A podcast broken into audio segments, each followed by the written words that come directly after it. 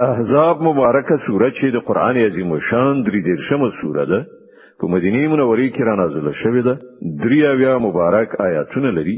تلاوت او پښتو ترجمه یې له لومړي آیت څخه اوري بسم الله الرحمن الرحیم د الله په نوم چې ډیر زیات مهربان پورا رحم لرونکی دی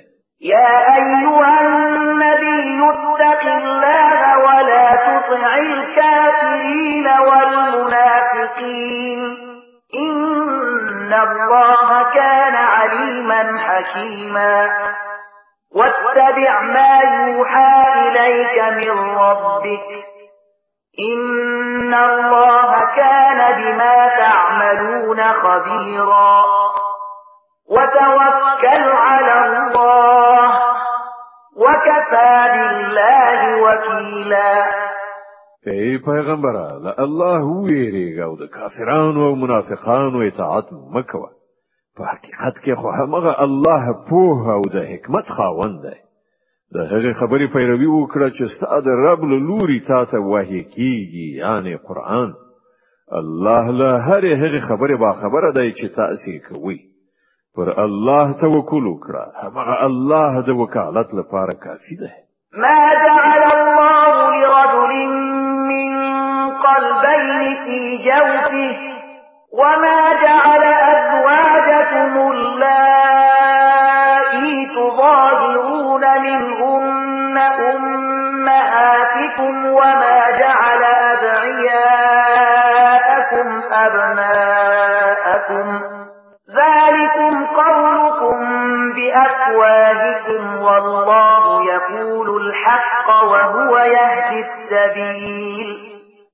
الله د چا په ګوګل کې دوه زړونه نه دي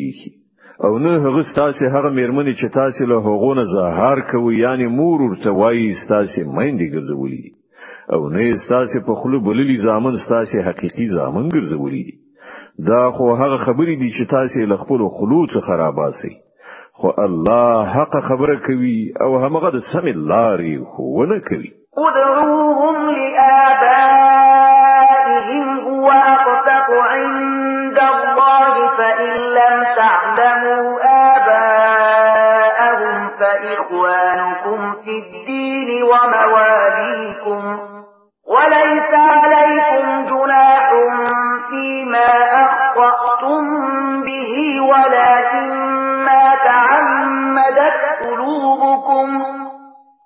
وكان الله غفورا رحيما په خلو بللی زامن د هغو خپل پلرونو ته په منسوب ورو بولی دا د الله په نس زیات عادلانه خبره ده او که تاسو ته معلومه نه وي چې د هغو پلرونو څوک دي نو هغه ستاسو دینی ورونه او ملګری دي په ناپوهۍ سره که تاسو کومه خبره وکړئ پر هغه باندې تاسو نه نیول کیږئ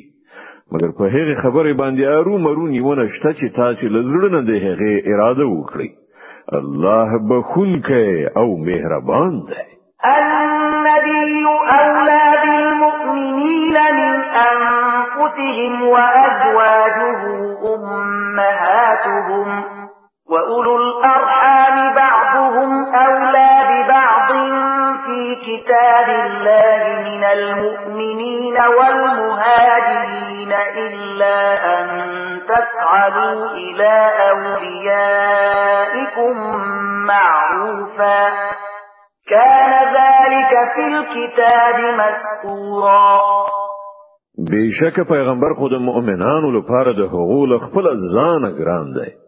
او د پیغمبر میرمنې د هغو میندې دي خو د الله د کتاب لمخې د عام مؤمنانو او مهاجرینو په پرتله خپلوان یو له بل زیات حقدار دي البته کله خپل ملګرو سره تاسو څه کې غنه کول غواړئ نو کولای شئ دغه حکم په الهي کتاب کې لیکل شوی دی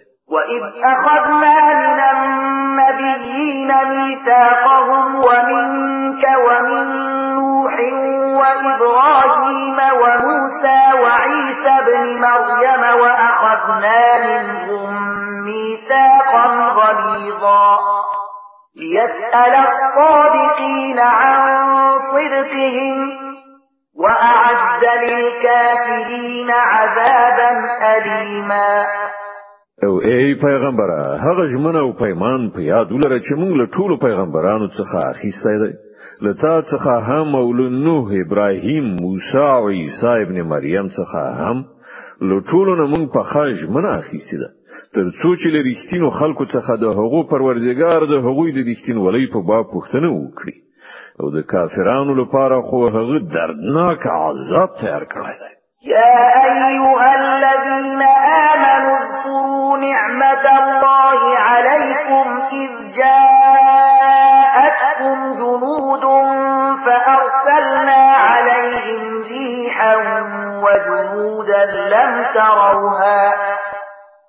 وكان الله بما تعملون بصيرا اے مؤمنانو د الله هغه پیرزوینه د پزړ کړی چې همدا اوس اوس هغه پر تاسو کړی ده کله چې لخرو پر تاسو یارغل وکړ نو مونږ په هغه یو سخت طوفان ولید او دا چې په وزونه مو ولېګل چې تاسو په نظر نه راتله الله هغه هر څه لیدل چې تاسو په دې وخت کې کول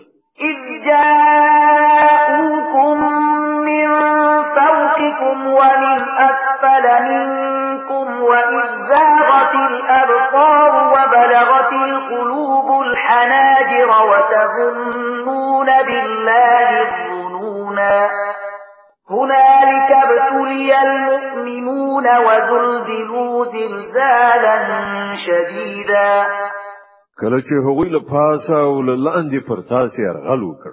کله چې سترګې له ویری تیغې وختلې زړونه ستونی ته راغلل او تاسو د الله په باب راز راز ګمانونه وکړل په هغه وخت کې مؤمنان خو وازمایل شول او سخت ولړزول شول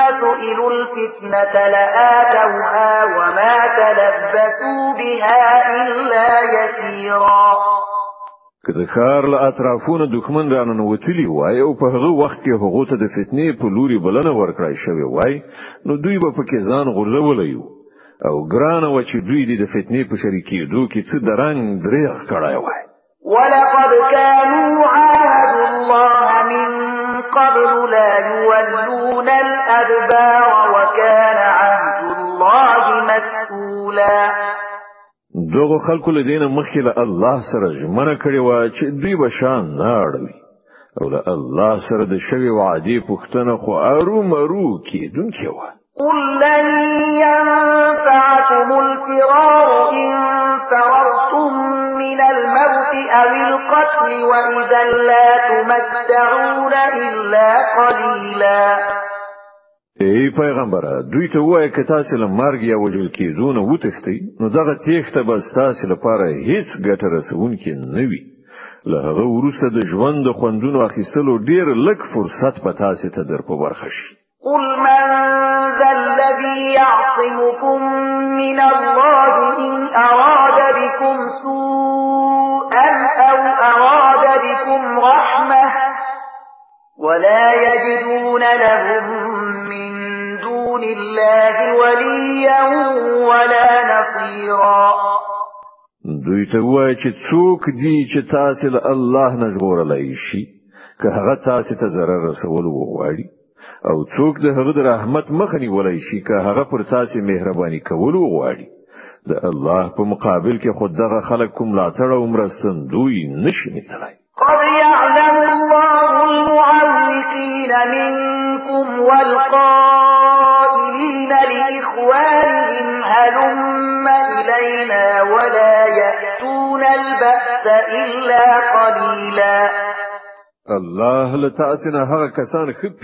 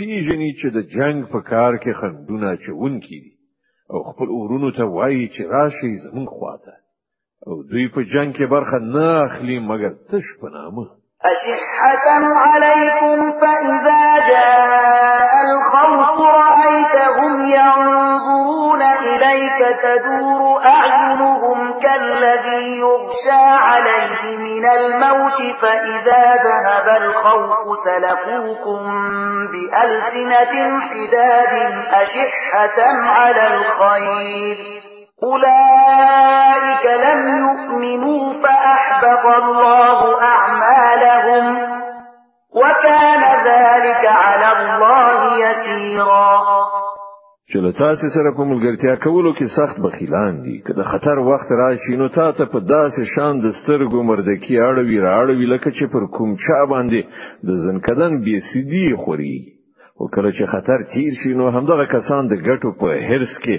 د تیرو ژبو سره ستا هرکلی ته راځي دوی هیڅ کله ایمان نه دی راوړی له همدې امله الله د دوی ټول عملونه ضایع کړل او د دې کار کول د الله لپاره ډیر اسانه دي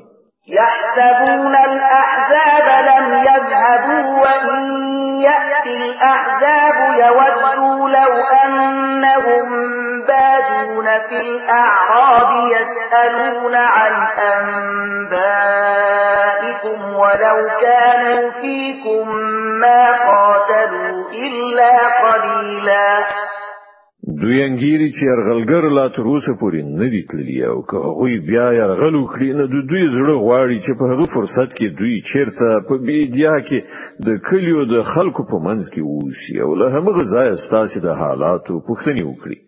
بیا هم که دوی ستاسو په منځ کې پاتې وي نو په جګړه کې به بیخي لږ برخه واخلي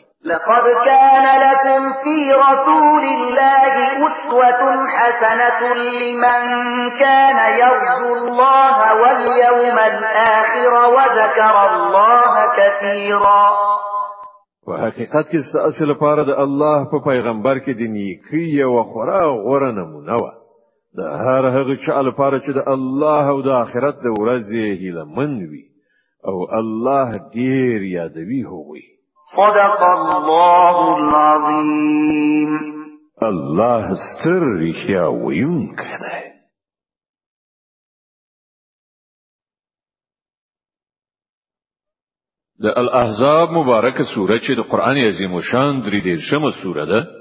په مدینه منوره کې را نازله شوې ده درې اویا مبارک آیاتونه لري تلاوت او پښتو ترجمه یې له 22 آیت څخه اوري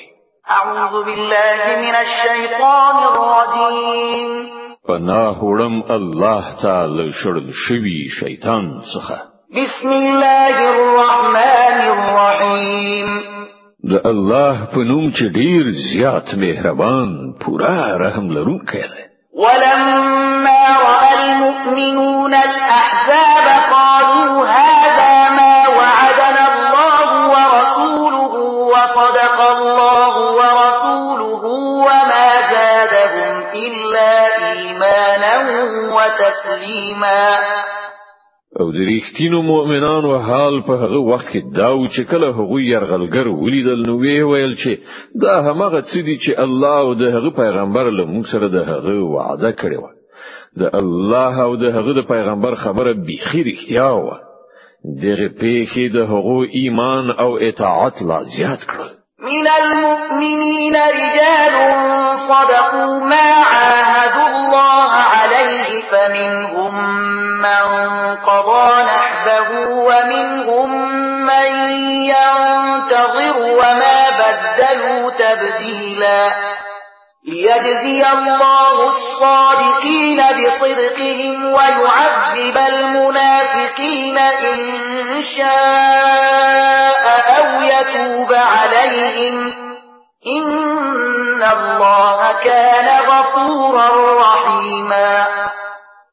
له مؤمنانو څخه داسې کسان شته چې هغوی له الله سره کړي ژمنه رښتیا کړي ده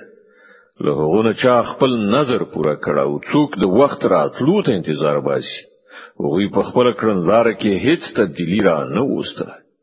دا هرڅه د دې لپاره وشول تر څو چې الله صادقانو ته د هغو د صداقت مکافات ورکړي او منافقانو ته کې خوښه شي سزا ورکړي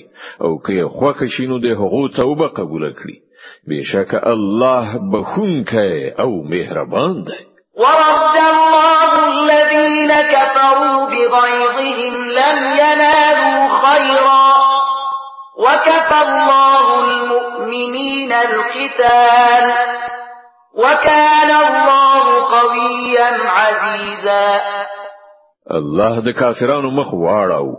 غوی له کومې ګټې ترلاسه کولو پرته د خپل زړونو له تاو سره همداسې بیرته ستانه شول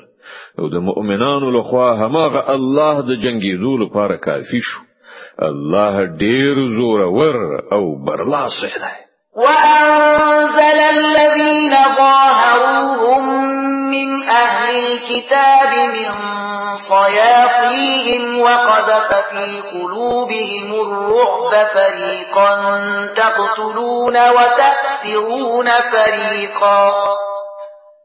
او د اهل کتابونو چې کوم کسانو د دغه يرغلګرو ملګرتیا کړې و الله د هغو له کلاګانو څخه هغوی را کوز کړل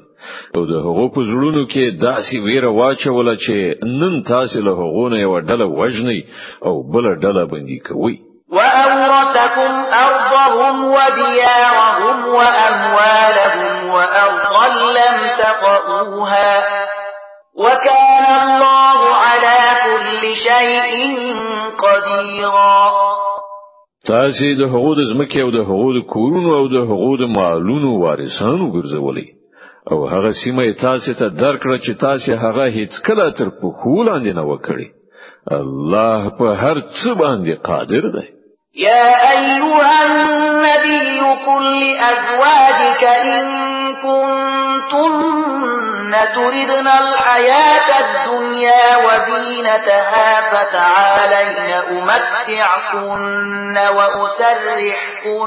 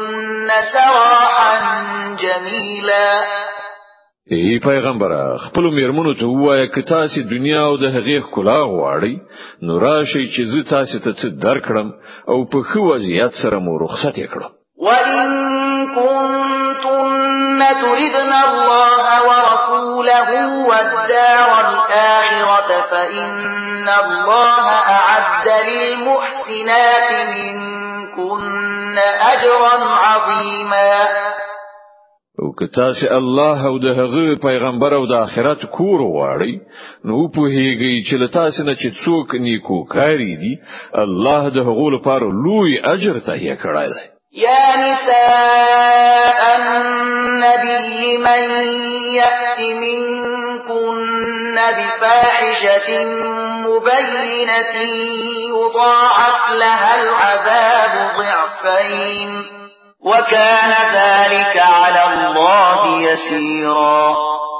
ای د پیغمبر میرمنو لتا سينه چې څوک د څرګند فحشا د حرکت مرتکب شي هغه ته به دوه چند سزا ورکړی شي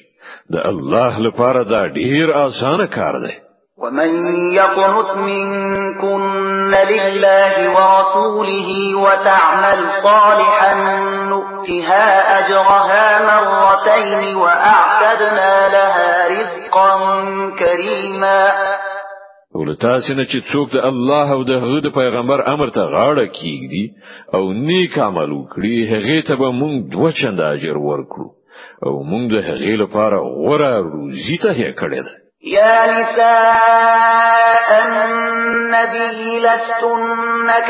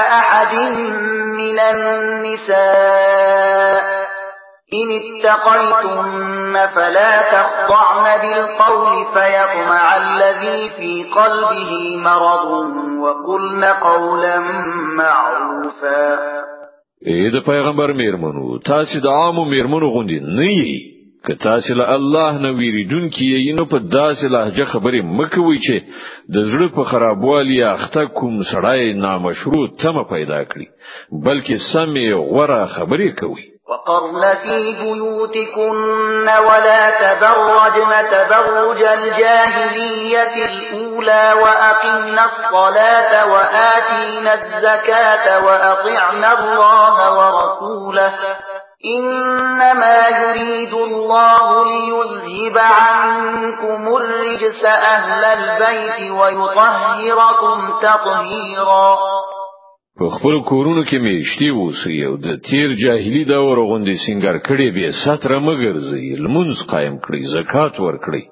او د الله او د هغه د پیغمبر اطاعت وکړي الله خدا غواړي چې له تاسو نبوي کورنۍ څخه ناپاکي ایسه کړي او تاسو په پوره ډول سره ستر کړي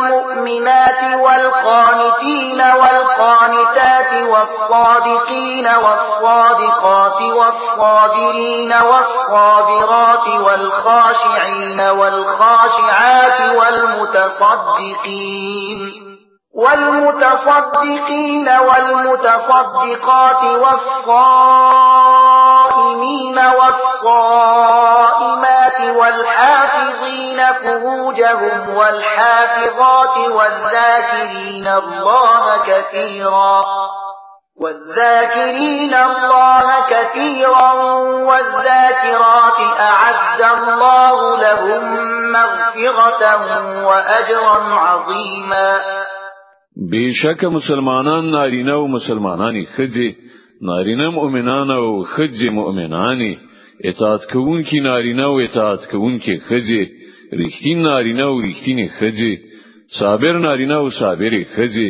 تواضع کوونکي نارینه او تواضع کوونکي خځې خیرات ورکوونکي نارینه او خیرات ورکوونکي خځې روژه لرونکي نارینه او روژه لرونکي خځې پاکلمني نارینه او پاکلمنې خځې او هغه نارینه چې د خدای ذکر زیات کوي او هغه خځې چې د خدای ذکر زیات کوي خدای دغه ټولو ته بخنه او لویه بدله برابر کړی ده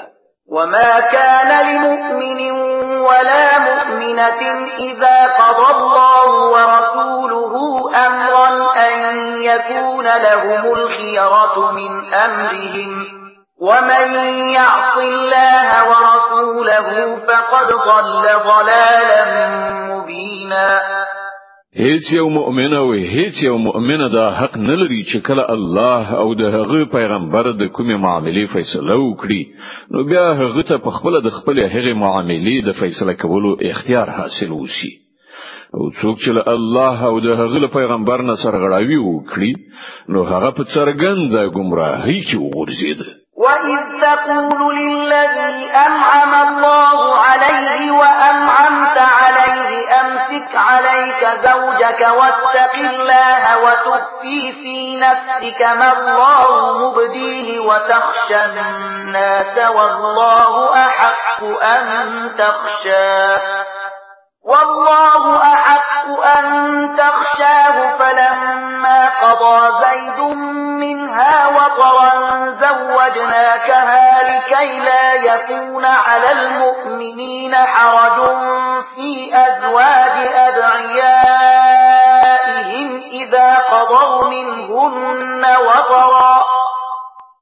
وكان امر الله مفعولا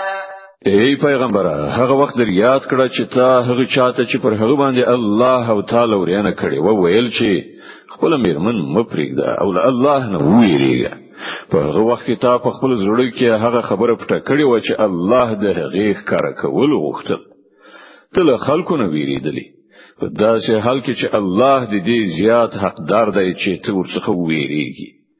بیا کله چې زید له هغې نه خپل حاجت پوره کړ نو موږ هغه طلاق شوی میرمن تا ته په نکاح کړه ترڅو چې پر مؤمنانو د خپل په خله بللیو زامنو د میرمنو په باب څه ستونزه پاتې نشي کله چې هغوی تر خپل حاجت پوره کړی وي او د الله حکم خو باید عملی شوی وای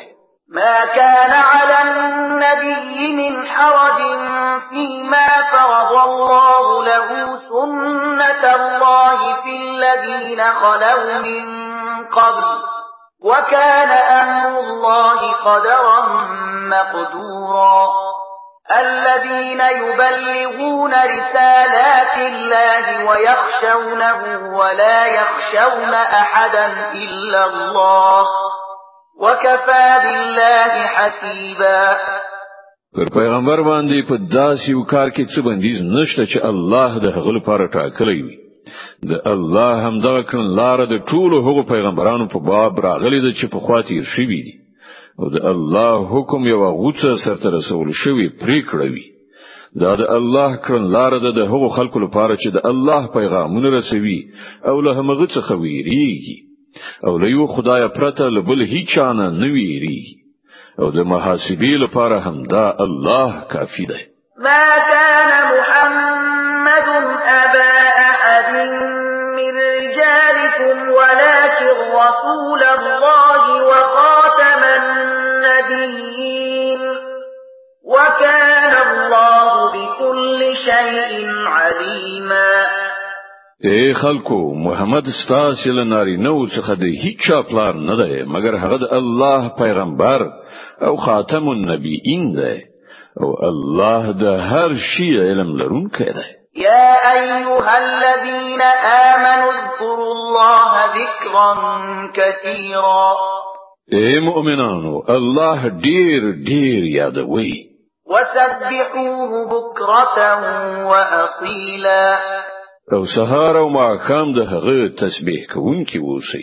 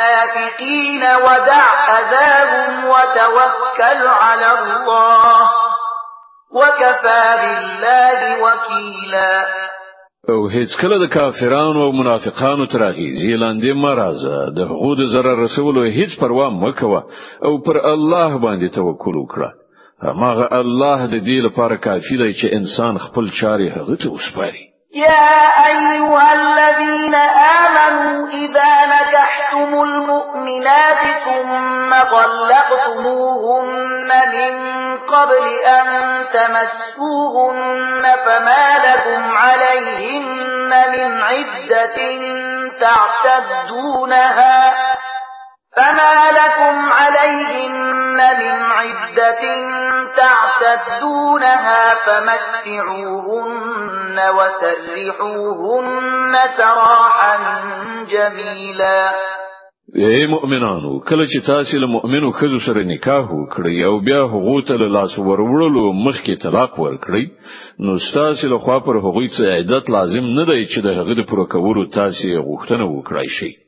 له دې کبله هغه ته څه مال ورکړئ او په خټو غیر رخصت کړئ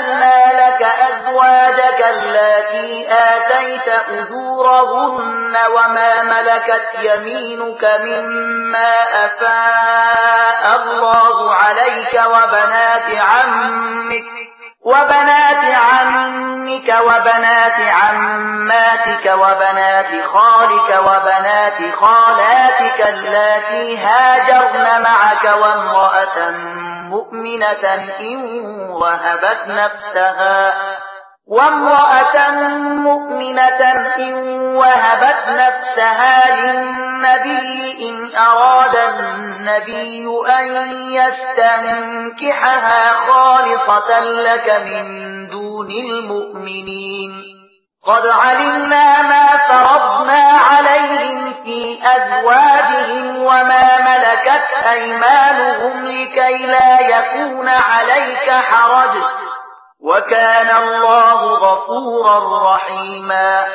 ای پیغمبر موږ ستاسو لپاره ستاسو هغه مېرمنې حلالې کړې دي چې تا د هغو مہر ادا کړی دی او هغه کزي چې د الله له درکړای شو وینځو نه ستا تر ملکیت لاندې راشي او ستا هغه د ترولونی د ترور لونی د ماما لونی د توړی لونی چې هغوی له تاسو سره هجرت کړی دی او هغه مؤمنه خزه چې هغه خپل ځان د پیغمبر لپاره سپارلې وي چې پیغمبر له هغه سره نکاح کول وغواړي دا رعایت په ځانګړي ډول ستاله لپاره دی د نور مؤمنانو لپاره نشته مونږ ته معلومه ده چې مونږ پر عام مؤمنانو د حقوقو د میرمنو او وینځو په باب کوم کوم حدود وضع کړی دي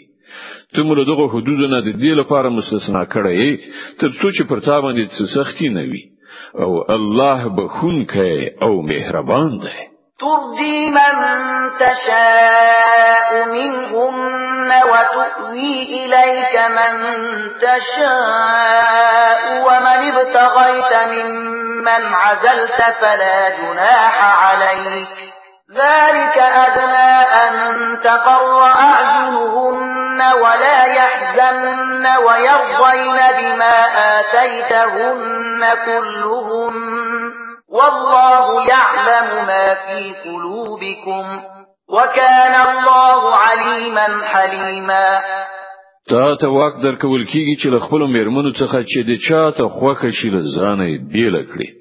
چاته دې چې خوخه شي له خپل ځان سره وساتي او چاته دې چې خوخه شي له بیلولو نو ورسته ځان تر او بلی په دې با پرتا باندې هیڅ تکلیف نشته په دې ډول زیاته هیله مندي ده چې د هغو د خوشحالتیا سبب شي او هغوی غمجنې ونه وسی او هر څه چې ته هغو ته ورکړي په هغه باندې هغوی ټول راضي شي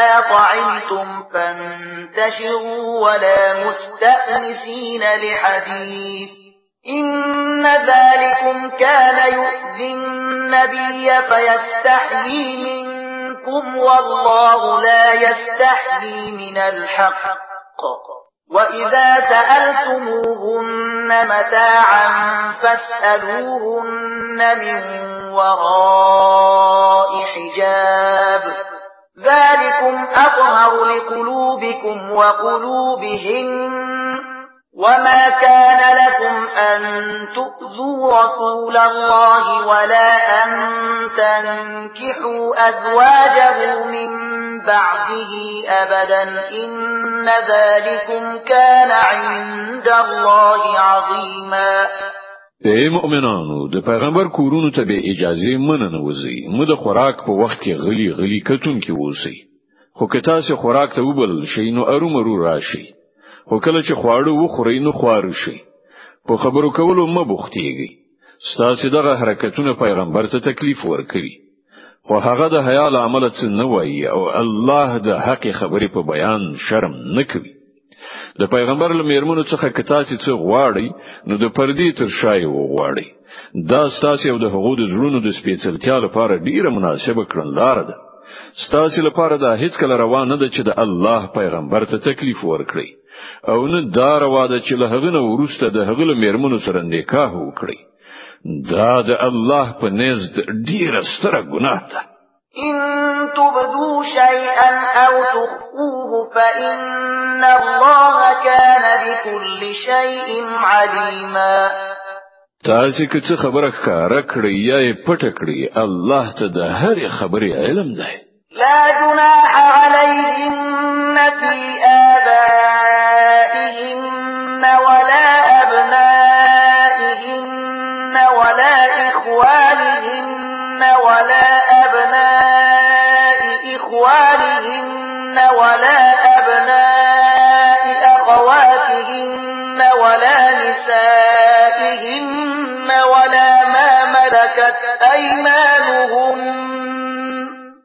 واتقين الله إن الله كان على كل شيء شهيدا د پیغمبر د میرمنو لپاره په دې کې هیڅ باک نشته چې د هغو پلرونه د هغو ځامن د هغو ورونه د هغو ریرونه د هغو خریونه د هغو انډیوالانې خځې او د هغو وینځي چې دوی د هغوی مالکان شوي دي کورونو ته ورشي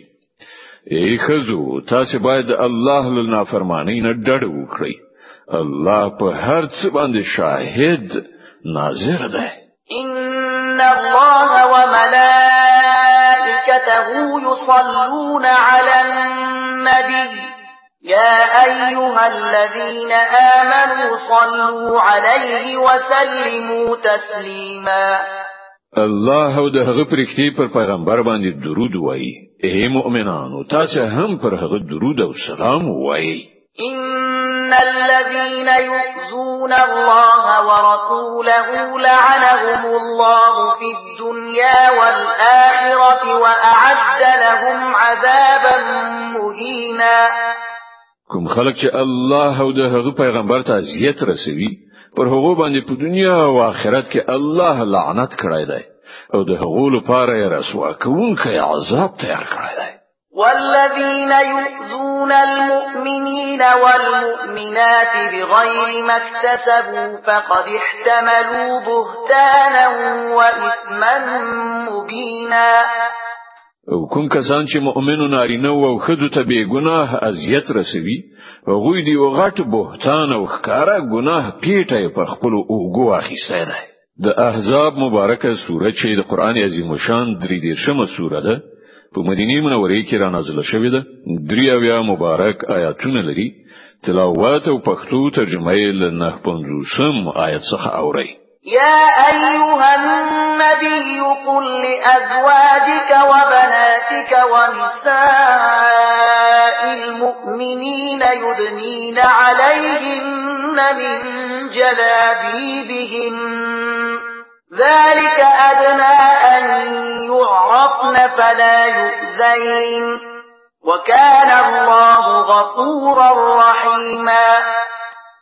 ای پیغمبر خپل میرمنو او لونو او د مؤمنانو خدو ته وایي چې پر خپل ځان باندې د خپل ټکریو پلوونه خوار کړی دا ډیره مناسبه کړن چاره ده تر څو چې هغوی و پیژندل شي او نه زورول شي الله تعالی به کوم کې او مهربان دی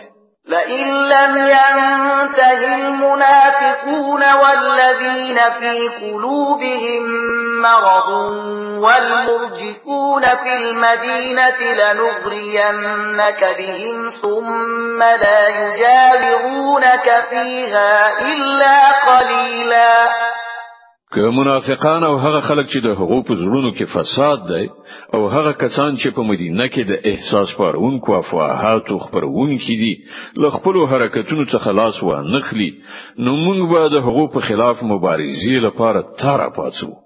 بیا به هغوی په دې ښار کې په ډیره مشکله ستاسو ترڅنګ وو سیدای شي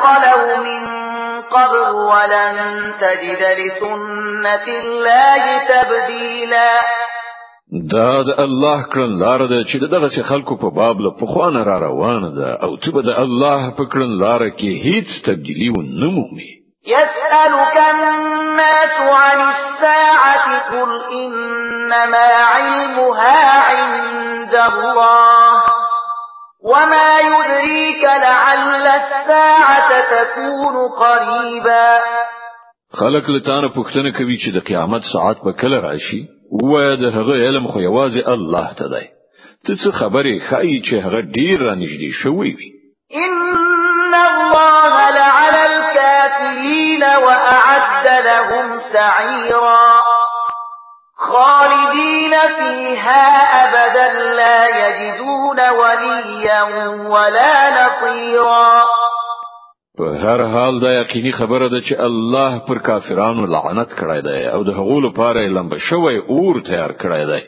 چې په هغه کې به هغوی د تل لپاره وسیږي کوم لا تړ او مرستندوی به ونمومي يوم تقلب وجوههم في النار يقولون يا ليتنا أطعنا الله وأطعنا الرسولا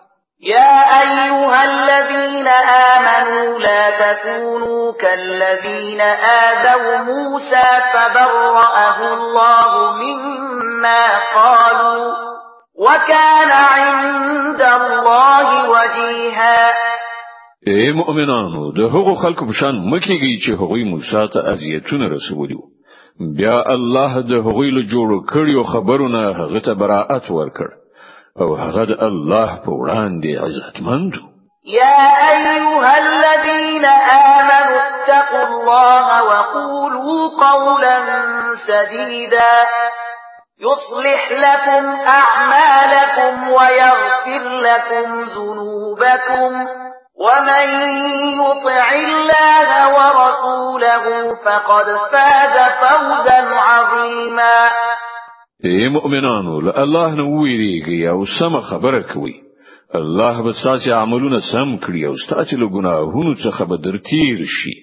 هر څوک چې د الله او د هغه د پیغمبر اطاعت وکړي هغه لوی بریالي توپ ترلاسه کړ إنا عرضنا الأمانة على السماوات والأرض والجبال فأبين أن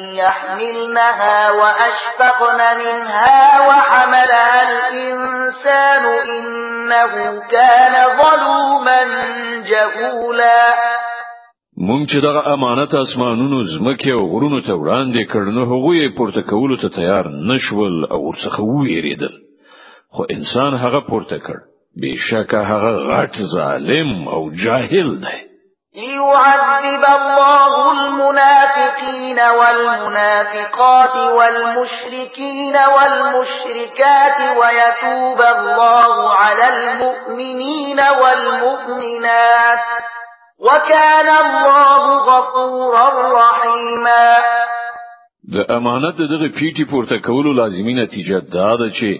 الله منافق نارینه او منافق خزو او مشرک نارینه او مشرک خزو ته سزا ورکړي او د مؤمن نارینه او مؤمن خزو توبه قبول کړي الله بخونکی او رحم درونکی دی